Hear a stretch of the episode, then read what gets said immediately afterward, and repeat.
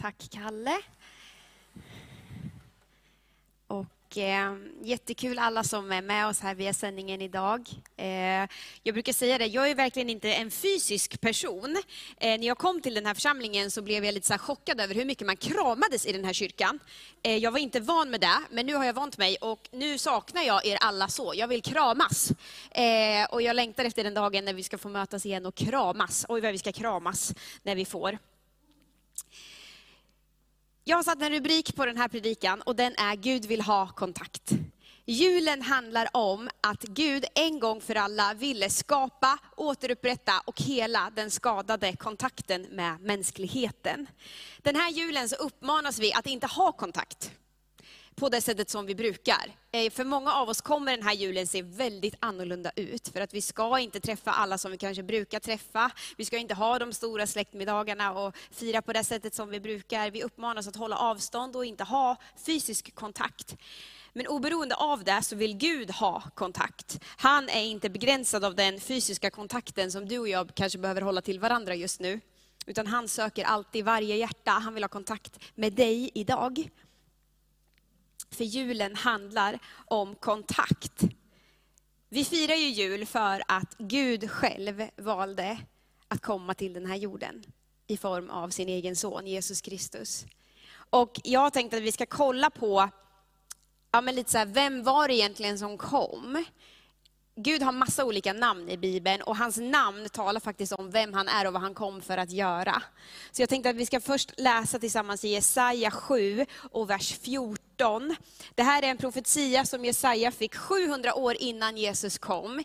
I Jesaja 7 och 14 så läser vi så här.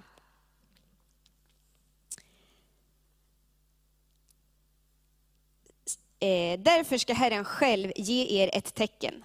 Se, Jungfrun ska bli havande och föda en son och hon ska ge honom namnet Emanuel. Emanuel är ett av Guds alla namn. Vad betyder Emanuel? Det betyder Gud med oss. Gud vill vara med oss. Det var därför han valde att komma hit. Gud är för oss, Gud är på din sida. Så mycket så att han valde att själv komma hit till den här jorden. Det här är ett så stort under och så stort mysterium som vi på något sätt aldrig kan förstå fullt ut tror jag. Men tänk att Gud själv i sin härlighet i himlen, där allting är perfekt, bestämmer att för att få kontakt med människan, så blir han själv människa. 100% människa, 100% Gud. Det är ett jättestort mysterium som om man tänker på det för mycket så blir man lite snurrig, men det funkar för Gud. Han valde att själv bli människa i form av Jesus Kristus för att få kontakt med människan en gång för alla. Gud vill ha kontakt med dig. Du kanske lyssnar på det här som inte känner Gud, du har ju aldrig hört talas om honom innan, eller har liksom inte fattat beslutet att ta den där kontakten med Gud. Han söker dig idag. Han vill att du ska förstå den här julen, att han kom för din skull. Gud med oss, Emanuel, det är ett av Guds namn. Men det fanns ju ett problem. Det fanns ett problem till att den här kontakten mellan Gud och människa var skadad ifrån början. Och vi ska läsa i Lukas, det första kapitlet, där vi kan läsa om när ängeln Gabriel kommer till Maria, som är den här jungfrun som vi läste om i Jesaja. Jungfrun som skulle bli havande, hon får ett änglabesök. Och i Lukas första kapitel så läser vi i vers 30, 30 och 31 så här. Ängeln sa till henne, var inte rädd Maria, du har funnit nåd hos Gud. Du ska bli havande och föda en son och du ska ge honom namnet Jesus. Den son som skulle födas skulle heta Jesus. Vad betyder Jesus? Det betyder Herrens räddning, Herrens frälsning. Frälsning betyder räddning. Alltså det problemet som fanns mellan Gud och människa, synden, det som vi gör fel mot oss själva, mot andra och mot Gud, det kan vi kalla för synd i liksom någon slags samlingsnamn. Det skadar vår relation med Gud, det skadar kontakten mellan Gud och människa.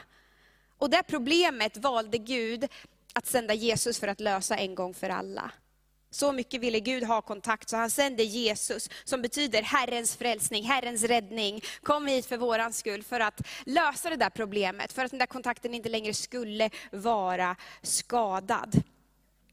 Och Gud födde, alltså Jesus kom inte hit till jorden, föddes som en människa, för att du och jag skulle få pynta lite varje månad och ha lite mysigt. Utan han kom hit för att lösa det här stora problemet som synden faktiskt var. Och för att en gång för alla lösa det problemet. Vi kan läsa de världskända verserna i Johannes 3, kapitel, 6, nej, kapitel 3, vers 16 och 17. Så här, så älskade Gud världen att han utgav sin enfödde son, för att var och en som tror på honom inte ska gå förlorad utan ha evigt liv. Gud har inte sänt sin son till världen för att döma världen, utan för att världen ska bli frälst genom honom. Jesus kom för att ta bort den domen som faktiskt låg på människan. Den domen som väntade mig, den domen som väntade dig, på grund av alla de fel och brister som vi har, den tog Jesus bort. Och ibland så tror jag vi glömmer vad Jesus faktiskt gjorde och hur stort det faktiskt är. Vi tänker att ja, men den där domen, den försvann, Plopp. bort. Men den föll på Jesus. Straffet föll på honom, han tog det. Det försvann inte bara, utan han bar det. Upp på korset, när han valde att ge sitt liv för att en gång för alla läka den skadade kontakten mellan Gud och mänskligheten. Domen föll på honom istället för att falla på mig och dig. För att återupprätta kontakten. Och därför så blir du och jag inte längre dömda. Utan vi kan få ta emot Jesus som vår räddning. Vi kan få säga Jesus, jag tror på att du kom hit för min skull. Jag tror att du kom hit för att jag skulle kunna få kontakt med dig. Och därför blir jag inte längre dömd. Det här är vad julen handlar om. Det här är julens sanna budskap.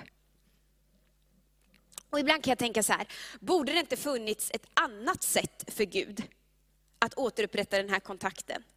Eller i alla fall ett lite säkrare sätt. Tänk att Gud själv väljer att födas som ett litet, litet barn. Vad skört!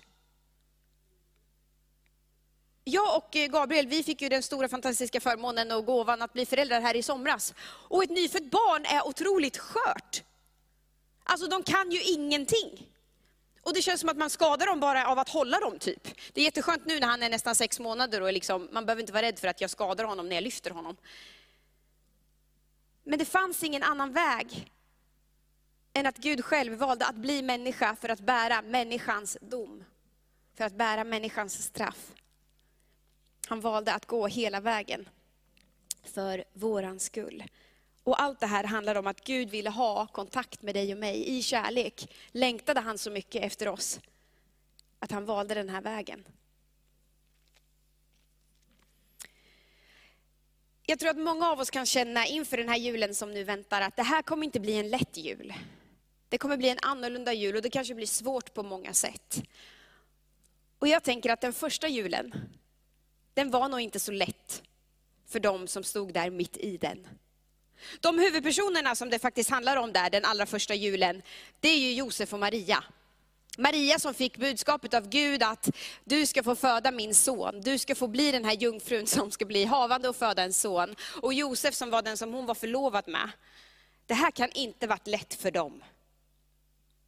Det måste varit så utmanande på många sätt. Gud kliver in i två väldigt unga människors liv och vänder upp och ner på allting. Man tror att Maria var kanske 13-14 år när hon får det här budskapet av Gud.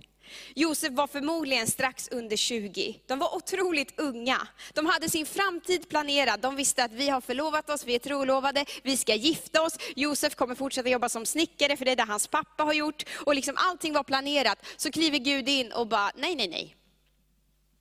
Jag har tänkt någonting annat för er. Och vi kanske har lite den här liksom, eh, juldramabilden av hur den här första julen var. Och, det, och, var. och den är ju jättefin och gullig och mysig och sådär, men jag tror faktiskt inte att den var så lätt. Hur många tror ni trodde Maria när hon berättade vad som hade hänt med henne? Visst, Israels folk de hade väntat i 400 år, 700 år hade en del väntat, på den, lov, alltså den utlovade frälsaren. De hade väntat på Messias. Men tror ni att de trodde henne när hon berättade, hörni, jag är den här uh, jungfrun som det står om här. Jag tror inte det. Jag tror inte att alla trodde på henne. Eller på Josef. Jag tror att det var väldigt, väldigt svårt på många sätt. Jag tror inte att det var lätt att färdas från deras hemstad till Betlehem för att de skulle skattskriva sig. Att göra den resan höggravid, det tror inte jag var så lätt. Jag tror inte det var så lätt för Maria, jag tror verkligen inte det var så lätt för Josef som var tvungen att ta henne med sig. Men de gjorde det. Och när de väl kommer dit så finns det ingen plats för dem att födas, och det står att Jesus fick födas där djuren fanns. Och när Jesus sen är född så kan vi läsa om att de fick fly till Egypten. Det är som att det bara händer jobbig grej på jobbig grej på jobbig grej på jobbig grej. Det kan inte varit lätt. Men det som är så häftigt är att Gud var med genom allt. Och jag kan tänka när jag läser liksom julevangeliet så tänker jag så här, men hur klarar man av det här? Två så unga människor vars liv bara vänds upp och ner och de ställs inför utmaningar som de aldrig hade kunnat ana eller tro. Hur fixar man det här? Jag tror att först och främst så visste de att Gud var på deras sida. Gud visste, eller de visste att Gud hade sagt att det här sker för att jag har bestämt att det ska ske. Och jag kommer vara med er. Men jag tror också att de klarade det här för att de hade varandra. Gud i sin nåd kom inte bara med budskapet till Maria, han sände också budskapet till Josef. Och sa att Josef, det Maria berättar för dig, det är sant. Hon har blivit gravid genom den heliga Andes kraft. Och jag kommer bära er genom det här, jag kommer vara med er genom det här.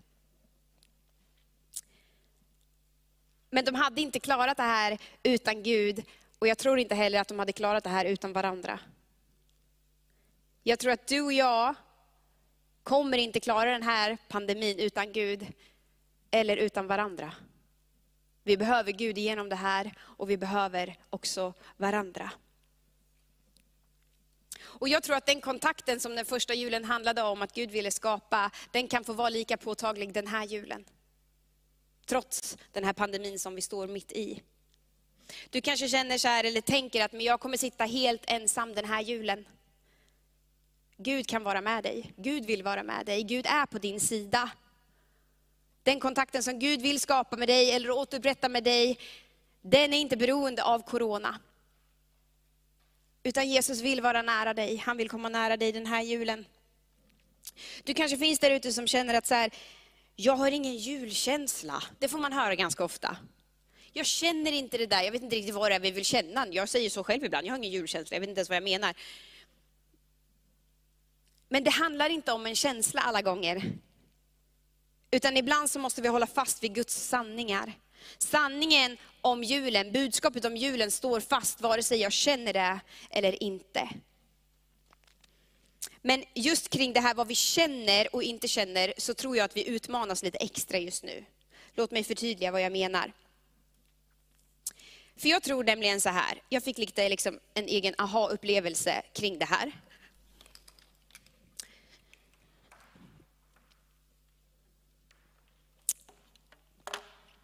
Jag ska bara möblera lite här.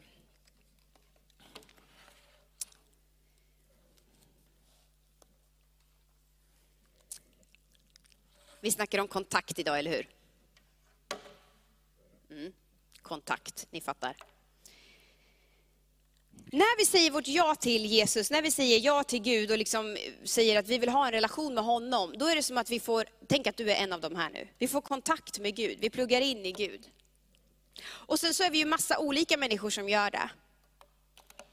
Vi säger vårt ja till Gud. Det är det som är så häftigt med Gud, att vi får kontakt med honom, men vi får också kontakt med varandra. Vi blir ett i Gud. Är ni med? Ni kan inte säga ja, men jag hoppas ni säger ja där hemma. Ja, Rut säger ja här, det är härligt. Vi kopplar in i Gud och i och med det så kopplar vi också in i varandra. Och det känns ganska ofta tycker jag när vi gör saker tillsammans, när vi får mötas som vi brukade göra i kyrkan, då är det ganska lätt att liksom, det känns väldigt bra, det känns härligt när vi är många som lovsjunger eller när vi är många som firar gudstjänst tillsammans eller vi får mötas i gemenskap, då känns det väldigt mycket. Och när vi inte kan göra det längre just nu, så utmanas vi på många sätt och vi behöver göra saker på ett annat sätt. För det som händer när vi möts tillsammans i kyrkan, det är att vi får så mycket automatiskt. Jag älskar när saker sker automatiskt. Jag älskar autogiro. Jag älskar när saker uppdaterar sig utan att jag behöver tänka på det. Allt som sker automatiskt, jag älskar det. Och den här, nu ska vi se, vad är det för något? Det är höst. Den här hösten och den här våren så har jag märkt vad mycket man får automatiskt bara av att gå till kyrkan. Och när man inte har kunnat göra det längre så blir väldigt mycket väldigt annorlunda. Och jag delade den här bilden med ungdomarna för några veckor sedan. Jag ville dela den med er också, för jag fick lite av en aha-upplevelse en dag när jag satt hemma och tittade på en sån här kontakt. Och så tänkte jag så här, ja men just det, det som händer just nu när vi inte får mötas i kyrkan, det är ju liksom att vi känner inte att Gud är, är riktigt nära på samma sätt. Men han är det. För det är som att just nu så är jag fortfarande pluggad till Gud. Liksom. Men jag känner inte, för att jag måste själv slå på den här knappen nu. Det som händer när jag går till kyrkan det är att någon annan har ofta slagit på den här knappen åt mig. Det är alltid någon som har kanske, eller kanske, det är alltid någon som har förberett, de här sångerna ska vi sjunga idag. Det är alltid någon som har förberett ett Guds ord eller tänkt att nu ska vi tillsammans få liksom bli medvetna om att vi faktiskt hör till Gud. Någon har slagit på knappen. Nu behöver jag göra det helt själv.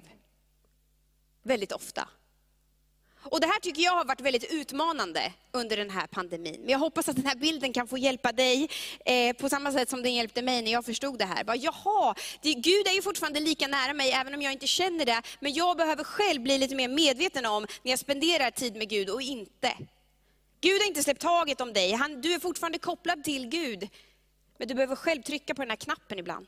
Och vad betyder det att trycka på den här knappen? Jo, men det kan ju vara till exempel nu har satt på den här sändningen. Eller varje gång du liksom tar ett aktivt steg för att bli medveten om att Gud faktiskt finns i ditt liv, så slår man på den där knappen. Och jag tror att vi behöver i den här tiden också hjälpa varandra att slå på den här knappen. Alltså det är ju som att varje gång du säger till någon i din familj, hej ska vi kolla på gudstjänsten idag? Så hjälper du den att slå på knappen. Varje gång du tar med dina barn till söndagsskola online eller något sånt där, så slår du på knappen åt dem. Varje gång du säger, hej ska vi be tillsammans idag? Så slår du på knappen åt dem. Vi behöver hjälpa varandra att hålla kontakten, både med varandra men också med Gud. Och jag tror att Josef och Maria, de behövde ganska många gånger hjälpa varandra att faktiskt slå på knappen. För de hade varandra i den här svåra och tuffa perioden som de gick igenom. Jag tror inte alltid att på den där långa vägen, eller långa, jag tror att det var ungefär 13 kilometer från, eh, från Nasaret gick de va? Ja, Nasaret till Betlehem. Att gå den vägen höggravid, jag tror inte alltid att hon kände, woho, det här är underbart och fantastiskt och jag tackar Gud för att jag får vara med om det här.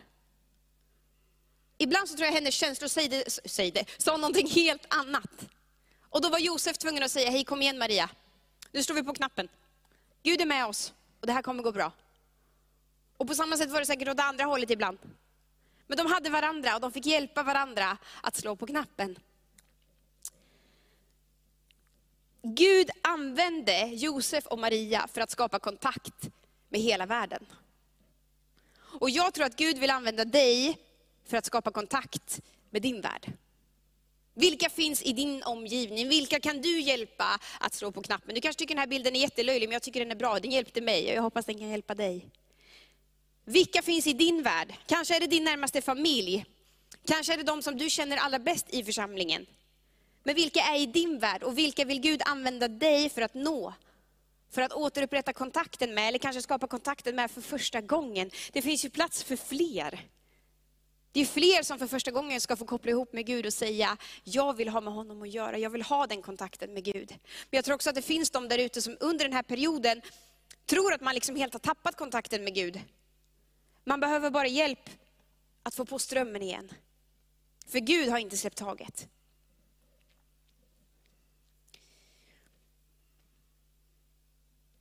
Låt oss i den här tiden inte släppa taget om vår kontakt med Gud eller om varandra. Sanningen om vad julen på riktigt handlar om, att Gud ville skapa kontakt med dig och mig en gång för alla, den står fast. Oberoende av om vi känner det eller inte. Och jag tror att det här är en förmiddag när Gud vill påminna dig om det, att han har inte släppt taget om dig. Du behöver bara bli medveten på nytt om att du är i hans hand och att han kommer bära dig igenom det här. Och att det inte alltid kommer kännas. Men det förändrar inte att han är där, att kontakten finns. Det här blir en svår jul för många av oss på många sätt. Det blir en annorlunda jul på många sätt. Och det var det för Josef och Maria under den första julen också. Men i, genom den här svåra perioden som de gick igenom så tror jag att deras relation med Gud fördjupades. Och deras relation till varandra också fördjupades på ett mäktigt sätt. Och de fick komma ut på andra sidan och ändå vara med och föda liksom, och låta världens frälsare växa upp. En utmaning som säkert var väldigt, väldigt svår på många sätt, men också så fantastisk. Och Gud använder dem på fantastiska sätt. Och jag tror att Gud kan använda dig på fantastiska sätt genom den här perioden. Jag ska alldeles strax avsluta, jag ska avsluta med att be, men jag vill också bara säga till dig att du som kanske finns där ute som vill ha kontakt med Gud för första gången, du som inte har liksom någon gång pluggat ihop med Gud. Du kan få sätta i kontakten idag och säga Gud, jag vill ha med dig att göra. Jag tror att du finns där ute som under det här året bara känner att men min relation med Gud, min kontakt med Gud, var tog den vägen? Gud har inte släppt taget om dig, men du behöver kanske idag slå på knappen. Du behöver bli medveten om att Gud är fortfarande där. Genom att öppna ditt hjärta för honom, genom att vända dig till honom, öppna Bibeln, eller ta ett aktivt steg för att faktiskt visa för dig själv att just det, jag vill ha en kontakt med Gud. Och så kanske du finns där ute också som behöver ta ett nytt beslut för att faktiskt hjälpa någon annan att återupprätta kontakten med Gud. Kanske handlar det om din familj, dina barn, dina grannar, dina vänner, vilka det nu än är. Fatta ett nytt beslut idag där du får fatta, eller liksom återupprätta kontakten och låta Gud använda dig för att nå din värld med kontakten till Gud. I Johannes 6 och 37 så kan vi läsa så här. Den som kommer till mig ska jag aldrig visa bort. Jesus själv sa, den som kommer till mig ska jag aldrig någonsin visa bort. Jesus står alltid där med öppna armar och säger, kom till mig. Du som vill ha kontakt med mig, kom till mig. Om du vill ha kontakt med Gud idag så säger han, kom till mig och jag kommer aldrig visa bort dig. Nu ska vi be tillsammans. Herre, jag tackar dig för att du kom hit till jorden för att skapa kontakt med människan en gång för alla. Jag tackar dig för att det här får vara en förmiddag när vi får säga att vi vill ha kontakt med dig. Jag ber för dem som alla just nu vill ta kontakt med dig för första gången. De som vill säga, jag tror att Jesus kom hit för min skull och jag vill bjuda in honom i mitt liv. Tack att du tar emot dem Herre. Jag vill be för alla de som tror att man har tappat kontakten med Gud, men jag tackar dig för att du har aldrig släppt taget. Och jag ber att det här ska få vara en förmiddag när man på något sätt bara får slå på knappen på nytt Herre, och påminna sig själv om att man faktiskt är kopplad till dig. Herre, jag ber att du ska hjälpa oss var och en att se liksom vår omgivning och se vilka vi kan hjälpa att upprätthålla kontakten med dig med. Jag ber att du ska välsigna våra liv, jag ber att du ska välsigna den här julen. Jag ber att det här ska få bli en jul som, ja den kommer bli annorlunda, men att du bara ska låta den bli bättre än vad vi kan ana. För att kontakten med dig kan vi ha även genom, genom den här julen, Herre Jesus. Jag vill be för dem som kanske känner att men jag kommer sitta helt ensam. Att du bara ska påminna dem om att du är där, Herre Jesus. Du är alltid närvarande i våra liv, Herre. Jag ber om det, Herre Jesus. Jag ber att du ska välsigna fortsättningen av den här gudstjänsten. Vi ber i Jesu namn. Amen.